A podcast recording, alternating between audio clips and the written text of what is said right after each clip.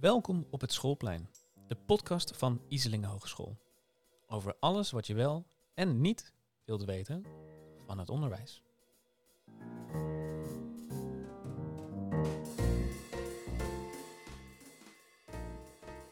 De maand mei staat bij basisscholen vaak in het teken van de eindtoets en schooladviezen. Aan het einde van groep 8 maken alle basisschoolleerlingen één eindtoets om te bepalen welk middelbare schoolniveau past bij hen. Dit proces staat steeds vaker ter discussie, want selecteren we kinderen niet te vroeg op niveau? Is het beter voor een kind om later de overstap naar de middelbare school te maken? Hebben alle kinderen wel evenveel kans om een advies te krijgen dat echt bij hun niveau past? En waarom vindt men het eigenlijk belangrijk dat je een hoog advies krijgt? Deze vragen proberen we vandaag te beantwoorden en dat doe ik met onderzoeker Natasja Notte en Lilian Beenk, directeur van basisschool Prisma en de College in Doetinchem. Lilian, kun je ons vertellen, hoe loopt dat proces op dit moment met, eind, uh, met het geven van een eindniveau op dit moment bij, op jouw scholen? Ja, nou als ik naar onze scholen kijk, dan uh, krijgen kinderen al uh, in groep 6 eigenlijk een advies. daar werk je samen met hun naartoe. En kinderen worden helemaal meegenomen in dat proces, ouders ook. En ehm, ja, eigenlijk gaan zij bepalen waar ze voor gaan werken. Ze weten precies wat er nodig is voor een bepaald niveau. En uh, dus ze gaan dan verder, ze krijgen instructie op uh, referentieniveau. Dus ja, daar begint het eigenlijk al. Dus als jij in groep 8 zit, dan moet het absoluut geen verrassing zijn naar welke school je gaat. Dus, dus ze gaan ook naar open dagen. Dan krijgen ze een aantal kijkvragen mee. Die worden samen met de leerkrachten opgesteld. En dan gaan ze echt kijken, past deze school bij hoe ik werk? Dus je kijkt naar de totaliteit van het kind. En denk je ook dat jouw school hierin representatief is voor veel basisscholen in, in de regio Achterhoek of misschien wel in Nederland? Nou, laat ik zeggen dat ik dat heel erg hoop. dus uh, nee, je hoort wel uh, echt zoals het vroeger ging, dat, dat ze uh, pas in acht voor het eerst te horen kregen waar ze naartoe gingen. Dat, dat is eigenlijk, dan kan me niet voorstellen dat het nog ergens is. Ik bedoel, de wijzen komen uit oosten, dus in de Achterhoek zal het zeker niet zo zijn. Oké, en um, dat, dat schooladvies, dat jullie geven dat al in, uh, in groep 6, maar toch nemen jullie een eindtoets af, want dat is verplicht. Welke, welke waarde uh, heeft, of welke functie heeft de eindtoets op dit moment dat nog in, in het proces van het geven van een schooladvies? Ja, nou ja, hij is nu nog aan het eind van het schooljaar. Hè? Dat is echt heel erg fijn, want dat gaat volgend jaar veranderen. Um, wat wij dan doen is, uh, we hebben met het kind bepaalde doelen opgesteld. En ja, ga jij die doelen halen? Dat is gewoon heel erg leuk. Dus de eindtoets is meer een bevestiging voor het kind van, nou, de lijn die ik ingezet heb, uh, die heb ik gehaald. En wat dus gebeurt er op het moment dat je een, een eindtoetsuitslag krijgt die niet past bij, bij de inschatting die jullie hebben gemaakt? Ja, nou dan, dan ga je gewoon heel goed kijken waar ligt dit aan. Is, er zijn adviezen die bijgesteld worden. We hebben nu ook dat we een paar kinderen dat we heel erg twijfelden van, oh, die zit zo in de lift. Zeker van het college. Van die zit zo in de lift. Dat is gewoon zo jammer als die, uh, ja, als die toch wat lager uh, advies uh, krijgt. Dus dan laat je bijstellen en dat moet ook. Ja. Maar er zijn ook leerlingen die veel hoger scoren, maar die toch gewoon bij het niveau blijven waar ze op uitstromen, omdat het beter bij het kind past. En um, het tienercollege wat je net benoemd, daar wil ik graag natuurlijk dadelijk meer over horen. Maar uh, hier is ook Natasja Notte. Jij bent onderzoeker. Zou je ons wat kunnen vertellen over het onderzoek wat jij doet en hebt gedaan? Um, nou, het onderzoek wat ik doe, gaat eigenlijk um, uh, nou, de rode draad, het gaat altijd over gelijke kansen of kansengelijkheid. En uh, zeker rondom onderwijs, daar, nou, daar, daar, speelt nogal het een en ander natuurlijk. En ik kijk eigenlijk, eigenlijk altijd vooral naar van, nou, hè, wat betekent het nou als je opgroeit in een bepaald gezin? Uh, wat betekent dat nou eigenlijk voor je onderwijsloopbaan en voor je hè, de kansen verder uh, die je nog krijgt in je leven? En uh, nou, daar speelt natuurlijk, uh, ja, school speelt gewoon een hele grote rol. In onze samenleving is het gewoon heel erg belangrijk geworden wat voor diploma je hebt voor allerlei andere kansen die je krijgt op de baan, maar ook voor gezondheid, voor allerlei andere dingen. Um, hè, dus vandaar dat die focus ook zo is op, op, op het onderwijs. En eigenlijk ja, begint dat al nou, voor school, zeg maar. Voordat, voordat de basisschool start. Eigenlijk daarvoor zit eigenlijk al een, een hele, grote, hele grote verschillen tussen uh, gezinnen. Dus die, een hele grote verschil in wat je van huis uit meekrijgt en hoe je aankomt op de, op de school. Ja. ja. En uh, we kijken dan nu vooral naar de overstap tussen het PO en het VO. Ja. Um, ben je in het onderzoek ook wel eens dingen tegengekomen over dit schooladvies? En vooral kijken bijvoorbeeld van welke rol speelt de eindtoets hierin? Is dat juist iets wat de, uh, de kansen meer gelijk maakt, aangezien het objectief is? Het heeft geen vooroordelen in zich. Of is het juist iets wat eh, de kansongelijkheid juist vergroot. Ja, het, het, het doel was ooit, hè, toen de toets er kwam, dat het dus eh, gelijker zou worden. Hè. Dus die toets zou, hè, zou objectief moeten zijn en daardoor uh, zou alle kinderen dus uh, gelijke kansen moeten krijgen. Nou, helaas is, is het uh, niet zo gaan werken. Um, uh, we zien eigenlijk in, in, uh, in, veel gevallen dat, dat eigenlijk de, de ongelijkheid of de, de, de, kansen dus eigenlijk ongelijker zijn geworden ook. Um, kijk, wat die eindtoets doet, dat objectief is natuurlijk heel mooi. Hè, dat je als ongeacht wat de achtergrond is van, van je ouders, van het, van het gezin waar je uitkomt, hoe hoog of hoe laag je ouders ook zijn, dat dat niet meetelt voor het advies wat je krijgt. En dat, dat was wel en is wel vaak het geval. En zo'n toets zou dat tegen moeten gaan. Maar we zien ook, en dan, eh, ik weet niet of je misschien herkent ook wel, kijk, het zijn ook vaak uh, weer die hoogopgeleide ouders die, die allerlei trainingen gaan zoeken voor hun kinderen. Dus dat kinderen eigenlijk veel beter leren hoe je zo'n toets dan weer kunt maken. En nou, het zijn misschien ook wel juist de ouders die bij jou komen, zeg maar, als hun, hun kind een, een, toch eigenlijk een hogere score heeft dan uit het advies blijkt, die dan toch naar de docenten toe gaan en in gesprek gaan. En vaak zijn dat niet de ouders die meer praktisch opgeleid zijn, ja, die, zijn, die doen dat vaak wat minder, zeg maar. Waardoor je, er krijg je toch eigenlijk weer een soort uh, ongelijkheid. Ja. Lilian, is dit iets wat jij kent uit jouw praktijk, zowel bij het tienercollege als op, op het Prisma? Ja, nou, de kinderen die op tienercollege komen, die zijn daar inderdaad tegenaan gelopen. En uh, voor ons is het ook heel gek om, om dan een advies uh, ja, te moeten stellen al op heel korte termijn. Terwijl je de andere kinderen gewoon door en door kent. Want daar speelt dat natuurlijk totaal niet, omdat je de kinderen al zo lang meeneemt in het advies en ouders. Dus uh, in, daar herken ik het wel in. Ja. ja. ja. En kijkend naar die eindtoets, dat Jasje, we noemen net, het is ooit in het leven geroepen om je kansen meer gelijk te maken. Um, um, welke waarde heeft de eindtoets dan op jullie basisschool? Zijn jullie er uh, druk mee bezig om, hè, jullie benoemden net al eerder, zo van, het is meer een, een, een, een raadgevend van hebben we de juiste inschatting gemaakt. Maar uh, is, is, het, is de toets dan niet meer dan dat? Nee, de toets is bij ons, uh, het vertelt ons iets over het onderwijs in zijn totaliteit. Het is ook nooit iets van uh, groep 8, zeg maar. Uh, we zeggen altijd van dit gaat over het onderwijs van onze school. Dus we gaan ook samen de successen vieren. er worden ook analyses gemaakt en er wordt gepresenteerd aan het team. Maar eigenlijk, als je dan kijkt wat is de eindtoets, dat is niet anders dan je schoolresultaten presenteren aan elkaar. Ja. Dus het gaat helemaal niet meer over kinderen en of ze een hogere kans krijgen. En zeker niet in Doetinchem, omdat ze al uh, op heel veel scholen een dubbel advies kunnen krijgen. En dat, dat maakt dat ze veel meer kans krijgen. Ja, en dat wilde ik jou net wel vragen. Hè? Hoe zit dat? Van, ja. hè, we weten gewoon een enkel advies dat dat echt gewoon echt uh, nou, de kansen verkleint. Ja. Hè? Dus, dus dat je daardoor, uh, nou, hè, eigenlijk zou het mooi zijn om, hè, dat overal die dubbele adviezen zijn, dat er gewoon echt nog meer mogelijk is.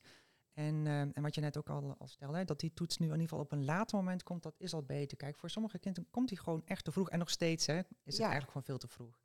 Het is ook in het, in het onderwijssysteem zoals wij dat hebben in, in Nederland, is het ook heel lastig dat als eenmaal, als je ergens in een bepaalde opleidingsrichting uh, zit of niveau zit, om dan nog, nog een, uh, hè, door te groeien, is gewoon echt lastig. Ja. Ja, en wat wij heel vervelend vinden is dat de, de eindtoets gaat weer naar februari vanaf volgend jaar. Dus dat betekent dat je de resultaten die je nu in april haalt, dat je die in februari al moet halen. Dus nou ja, het gaat helemaal nergens meer over. Nee, maar als ik jou zo hoor, is het, is, het, is het niet meer iets wat je doet voor het kind, voor de kans van het kind, maar je doet het meer voor de school zelf. Ja. ja. En, en jullie, uh, we hebben hier voor, voor deze opname al een beetje gesproken. En je benoemt, jullie hebben niet meer de CITO-eindtoets. Uh, ik denk bij de meeste mensen toch nog de meest, meest bekende eindtoets die er is. Jullie hebben bewust de keuze gemaakt voor een andere eindtoets. Ja, we hebben echt gekeken naar, uh, we hebben allemaal een visie op toetsen, al onze scholen. En daar past de IEP gewoon uh, het beste bij. Dus, uh, en dat is heel belangrijk, dat je wel kijkt naar wat is jouw visie op school. En um, de eindtoets van IPE, die is ook nog op papier. En dat vind ik gewoon heel prettig voor de kinderen. En ook dat wij gewoon met hun weer in gesprek kunnen over het proces. Want dat eind, ja, wat ze uiteindelijk invullen, dat zegt ons niets zou je scholen adviseren om, om vaker rond te kijken naar welke eindtoetsen er zijn? Jazeker, want je hebt nu zo'n diversiteit in eindtoets, maar ook in het leerlingvolgsysteem. Eindelijk mag dat. Dus, en het is echt niet meer zo dat de uh, CITO de grootste is. Er, komt, er zijn gewoon steeds meer partijen. Ja, ja.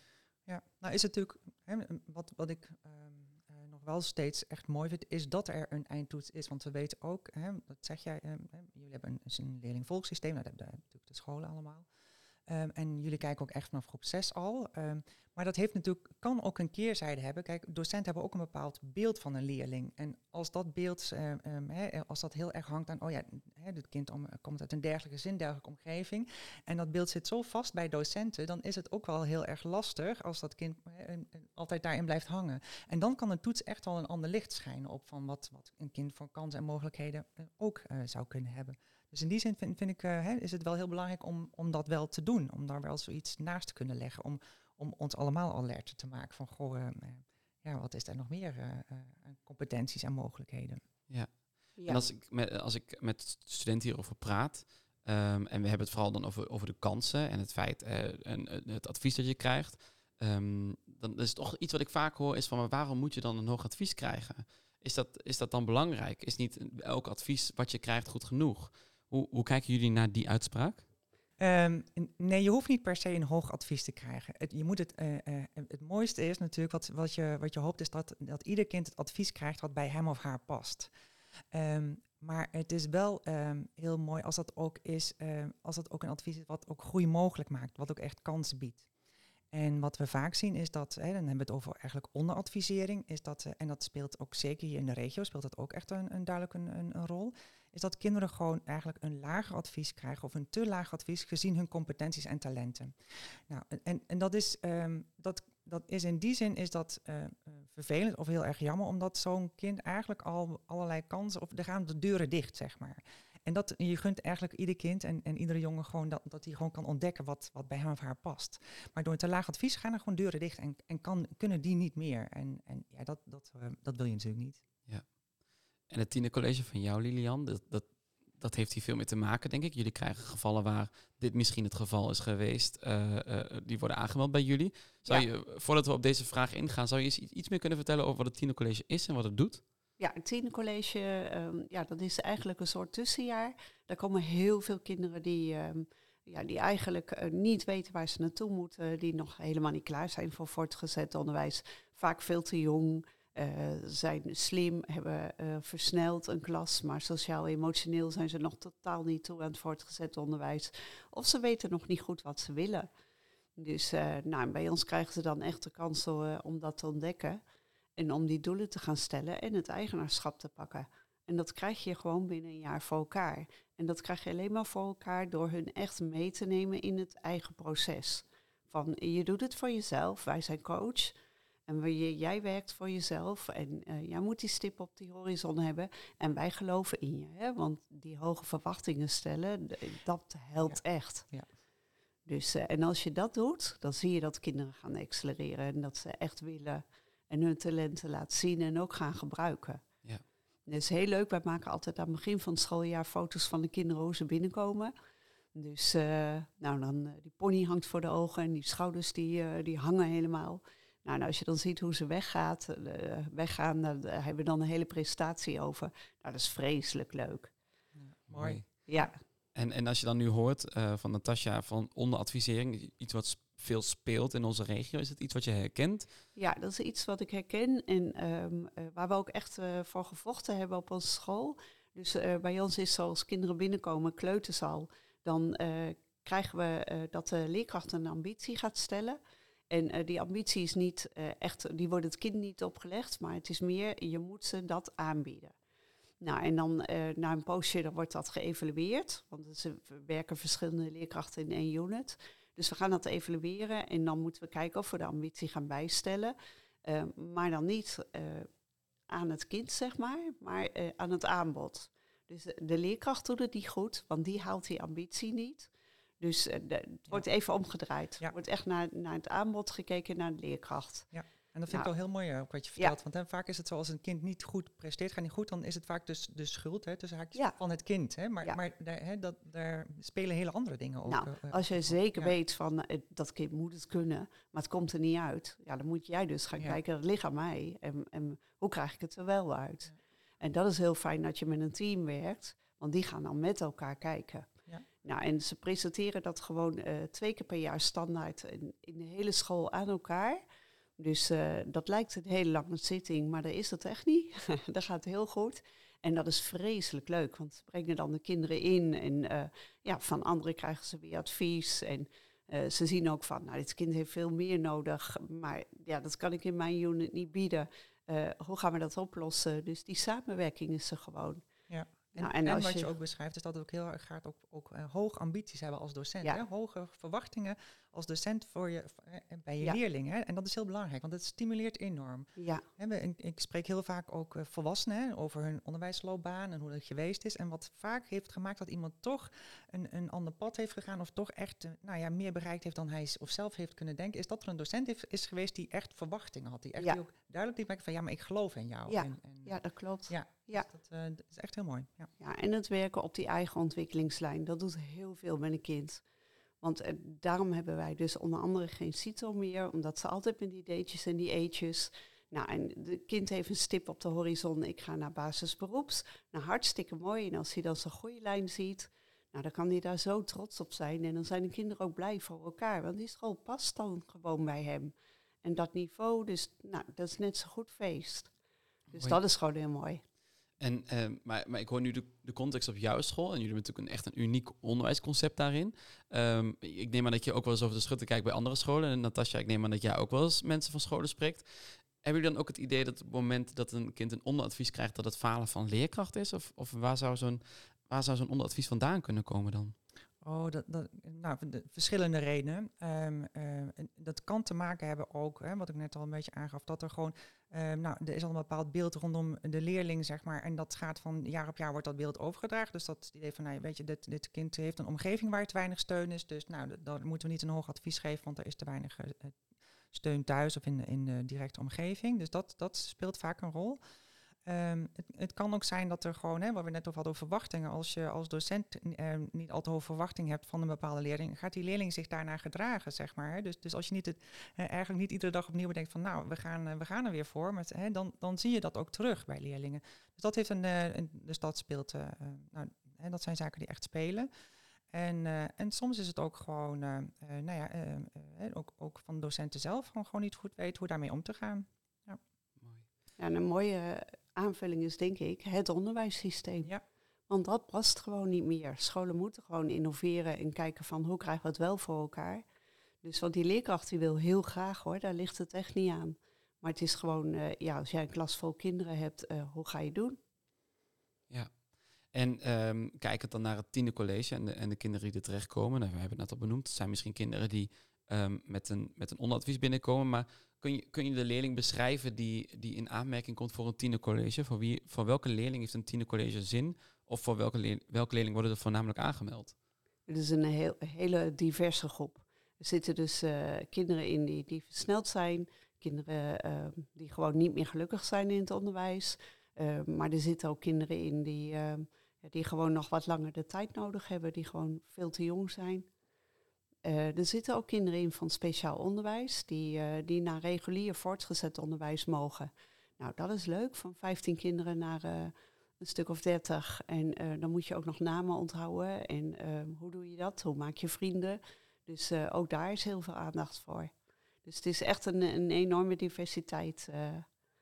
En hoe gaan jouw leerkrachten of docenten om met die diversiteit? Hoe zorgen ze dat ze die kinderen dan kunnen bedienen met, op hun behoeften? Ja, nou, dat is echt door in gesprek gaan. We hebben het eh, eh, ja, echt heel goed georganiseerd. Dus eh, dat we heel veel tijd hebben voor die feedbackgesprekken. Ehm, heb je iets gemaakt en heb je alles goed? Nou, dat is heel jammer van je tijd geweest. Dat soort gesprekken zijn er. Dus ehm, ja, we gaan gewoon heel erg met het kind kijken, wat heb jij nodig om verder te komen? Natasja, denk je dat als alle kinderen de kans krijgen om naar het tienercollege te gaan, of dat het tienercollege zo standaard zou zijn voor alle kinderen, dat het een, een positief impuls zou zijn? Ja, want dan hebben we het eigenlijk over, net even hadden. Kijk, die eindtoets is gewoon te vroeg. Of die nou in mei is of in februari. En zo'n zo'n zo'n zo'n selectiemoment, het is gewoon te vroeg. Dus als je dat op kunt rekken met, met één, twee of liever nog iets meer, hè, dan, dan, is, dan is dat gewoon veel beter. Want dan kan, kunnen ieder leerling kan zich eh, gewoon beter ontwikkelen. Ook als je gewoon eh, eigenlijk op een school als start met een soort achterstand, heb je gewoon een langere tijd om, dat, eh, hè, om, om die in te halen. Ehm, maar waar we het net eigenlijk ook eh, al even over hadden, eh, wat ik ook zie, zeg maar, is dat heel vaak voor dit soort scholen, dat er ook juist de ouders die, eh, nou, wat, wat meer theoretisch opgeleide ouders die graag willen dat hun eigen kind naar HAVO VWO gaat, maar hun kind heeft misschien een VMBO-advies gekregen, dat die ook naar dit soort scholen gaan van, hè, nou ja, ons kind moet toch wel minstens een HAVO VWO-advies, dus we doen een jaar extra. Eh, want dan, dan komt dat wel goed. Dus daar zit, eh, daar zit ook nog eh, een, een soort. ja, dan moet je oppassen dat dat niet een, niet een extra ongelijkheid gaat worden. En dan is het belangrijk om ook juist te kijken, oké, dus, dus ouders of eigenlijk leerlingen in een omgeving waar ouders helemaal niet weten dat dit soort scholen bestaan of dat dit soort mogelijkheden bestaan, dat die daar ook nou, door docenten of, of, of andere betrokkenen op geweest worden van gewoon deze mogelijkheid is er. En, en dat is dan wel belangrijk. Staat jullie deur open voor ouders die graag willen dat hun kind op naar een hoger niveau stroomt, Lilian? Nou, zeker wel om het gesprek aan te gaan. Want daar zijn we heel goed in hoor. Ja, en wat voor, wat voor gesprekken zijn dat dan? Nou ja, dat is echt ook van eh, waarom wil je dat? En ehm, eh, ja, we nemen ouders daar gewoon in mee. Daar hebben we gewoon onze, eh ja, foefjes klinkt zo flauw. Dus nee, wij hebben dat heel snel door waar het hem in zit. Maar weet je, wij geloven ouders wel. Dat is het echt. De ouders die hoge verwachtingen van hun kinderen hebben, daar zit vaak wat in hoor.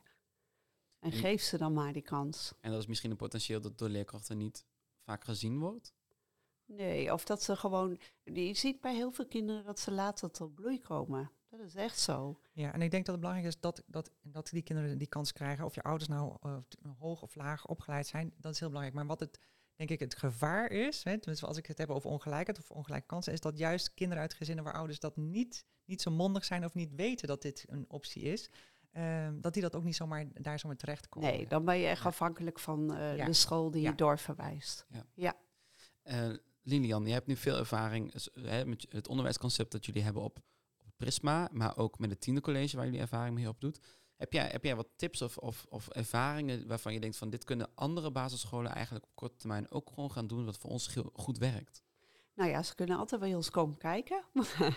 ja, eh, ja, onze deur staat altijd open wat dat betreft. Dus eh, nee, geloof kinderen en, en kijk vooral naar het proces. En ehm, ja, wees een coach van het kind.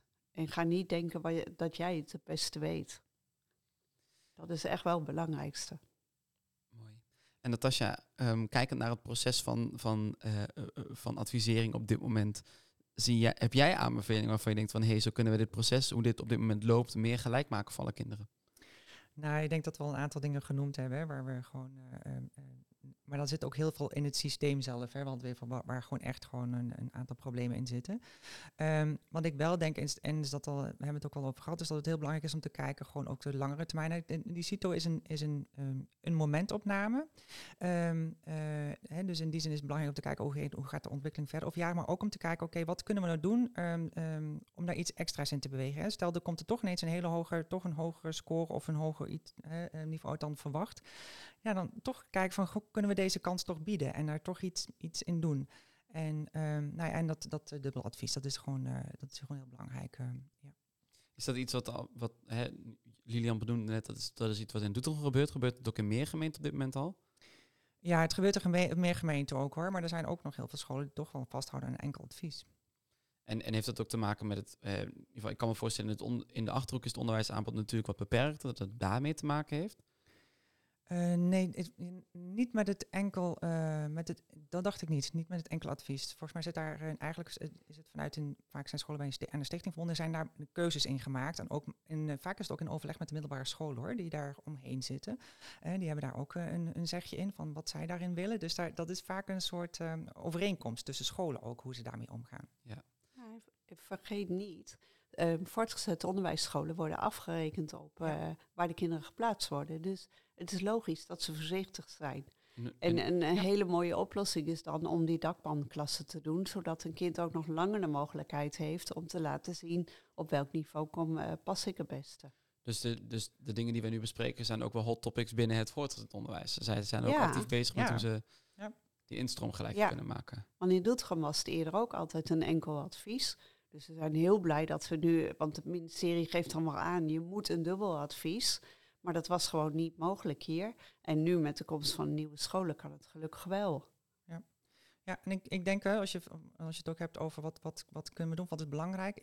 Wat jij net vertelde, is, is hè, een echt kijken van oké, wat heeft dit kind nodig? Wat kan dit kind? En echt dat hè, zelf eh, in een soort regie, hè, dus echt Ja. een soort coach. En dat is heel mooi, want dan gaat het dus, dat kind komt los te staan ook van, de- van de sociale omgeving van de ouders, zeg maar. Dus dan ga Ja. je echt kijken, wat voor talenten heeft, dit, heeft deze leerling? En dan ga je, dan vallen al heel veel eh, eh, eh, nou, ongelijkheden vallen eigenlijk al weg op die manier. En nemen ouders mee daarin. Ja, ja. Dat is heel belangrijk.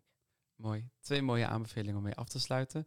Natasja en Lilian, ik wil jullie ontzettend bedanken. Ik vind de verhalen die jullie vertelden, de dingen die jullie meenamen en vertelden in deze podcast erg waardevol. Ik ga ervan uit dat veel leerkrachten, vooral de bovenbouw, hier ontzettend veel aan hebben. Eh, ik wil jullie luisteraars bedanken om, eh, dat jullie weer geluisterd hebben naar deze podcast. En eh, vond je dit nou een leuke aflevering? Vergeet dan niet om te abonneren op deze podcast in je favoriete podcast-app. Dit helpt ons om te groeien op de ranglijsten en maakt ons makkelijker vindbaar voor mensen die deze podcast mogelijk ook interessant vinden. Wil je nou nog doorpraten over deze podcast? Mail ons dan gerust op podcast.iselingen.nl. En ik hoor jullie graag de volgende keer weer terug.